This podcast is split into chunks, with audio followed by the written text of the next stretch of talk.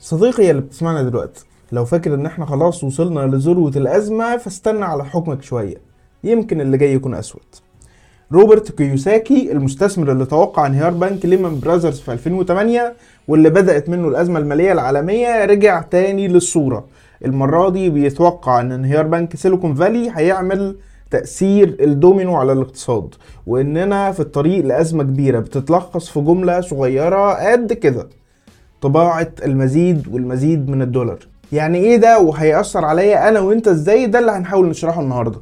أنا محمد شوشة ومعايا سالي حسام في بودكاست سين جيم في دقائق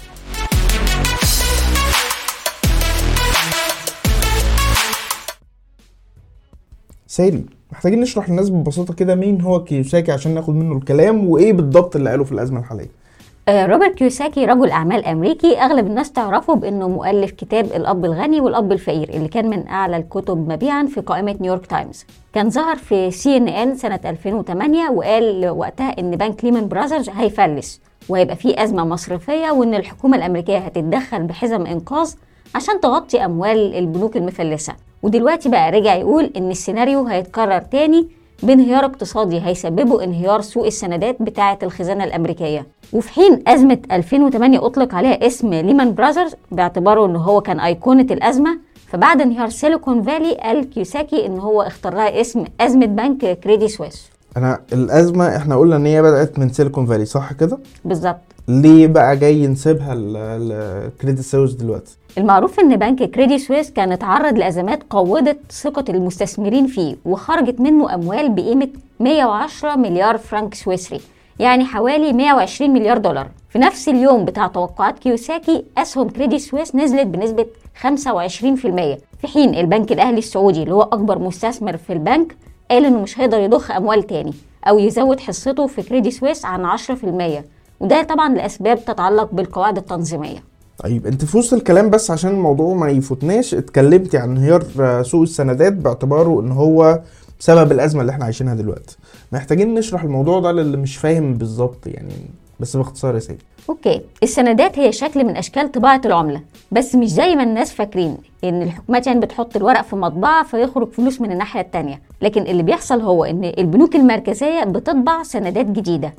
واللي هي بحسب الخبير الاقتصادي بيل بلاين إن أنت بتشتري من الحكومة مستند بمبلغ معين. المستند ده بيكون محدد بالمبلغ اللي أنت دفعته والفوائد اللي أنت هتاخدها مع وعد من الحكومة إنها هترجع لك فلوسك بعد مدة محددة بتتراوح من سنتين ل 30 سنة. بس ده تقريبا شكل متبع في العالم كله بنسمع عنه في كل مكان يعني.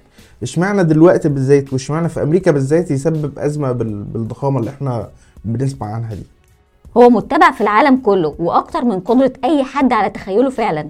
يعني إجمالي سوق السندات العالمي وصل لحدود ال 130 تريليون دولار.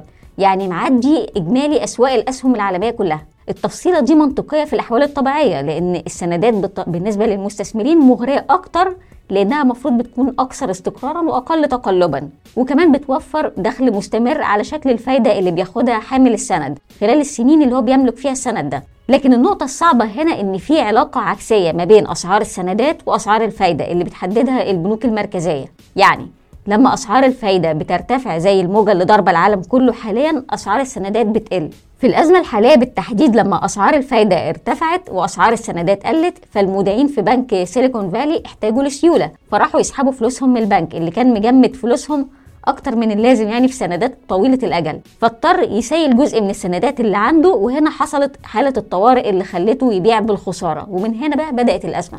يعني مش لدرجة أزمة يا سالي أنا قريت الموضوع كان يعني الخسارة اللي حصلت المفروض إن هي كانت محدودة جدا. يعني بإجمالي ده بنك ضخم وعنده أصول كتير جدا. ده صحيح جدا. يعني كل السندات اللي البنك باعها أو كان ناوي يبيعها ما كانتش تعدي 23 وربع مليار.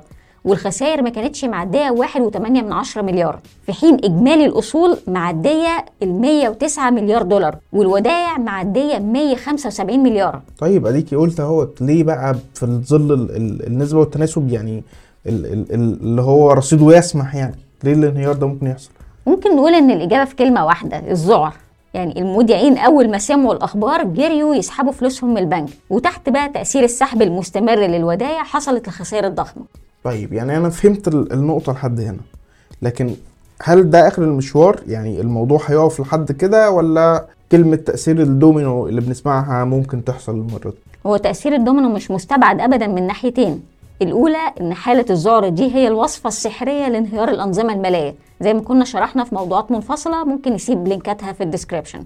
باختصار المودعين أول ما بيحسوا بخطر بيمشوا بالمثل اللي بيقول ما يبقاش ابني على كتفي وأروح أدور عليه فبيجروا يسحبوا فلوسهم من البنوك. اللي هي بطبيعة الحال مش هتكون مالكة كل السيولة المطلوبة لسد الضغط على استعادة الودائع فمن هنا بتبدأ الأزمة الأكبر. من الناحية التانية الحكومة الأمريكية اتدخلت عشان تأمين الودائع وده معناه ضخ أموال. فالحكومة هتجيب الفلوس منين بقى؟ بإصدار سندات جديدة. اللي هو أصلا كان سبب الأزمة الأصلية. بالظبط كده. وهنلف ورا بعض كتير. بالظبط. تمام. آه ناس كتير دلوقتي بتسأل سؤال مهم جدا. كل اللي إحنا بنحكي فيه ده بيحصل في أمريكا. أنا هنا في في المنطقة بتاعتي. هتأثر إزاي بكل الموضوع ده؟ التأثير الأول متعلق بنفس نقطة الذعر اللي إحنا شاورنا عليها قبل كده. المستثمرين هيهربوا للبدائل الآمنة اللي هي زي الذهب وده بيجي على حساب البورصة كمثال. إن هو بيسحب فلوسه من هنا ويروح يحطها في حاجة هو شايفها أمان. أصول جامدة.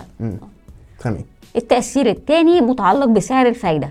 حاليا التحليلات رايحة ناحية إن الاحتياطي الفيدرالي هيفكر ألف مرة قبل ما يرفع أسعار الفايدة تاني بنسب كبيرة زي اللي كان ناوي عليها لكن السؤال هنا هل ده بالتبعية هيوقف رفع سعر الفايدة في دول المنطقة؟ دي نقطة بقى فيها جدل بين الاقتصاديين لكن على الأقل لو حصل فالمرة دي الرفع هيكون أقل اضطرارية لو الاحتياطي الفيدرالي ما رفعش الفايدة أو رفعها بنسبة أقل. يعني أنا تقريبا برضو سمعت فكرة إن هو برضو زيادة معدلات التضخم عندنا. إحنا كمان لوحدنا ممكن نكون مضطرين نرفع سعر الفايدة فيمكن الموضوع يكون منفصل. بس خلينا نروح للتأثير الثالث التأثير الثالث وهو بقى الودائع اللي هي ممكن يكون عملاء محليين أو إقليميين بيملكوها في البنوك المنهارة أو المهددة بالانهيار. ودي هيكون أمرها بسيط لو الموجة وقفت لحد هنا. على الأقل بحسب وعود الإدارة الأمريكية إن هي ملتزمة بردها عندي سؤال أخير ومهم يا سيل إيه هو؟ كنت حاطة قد إيه في البنك؟ لا مش هقول طيب ماشي.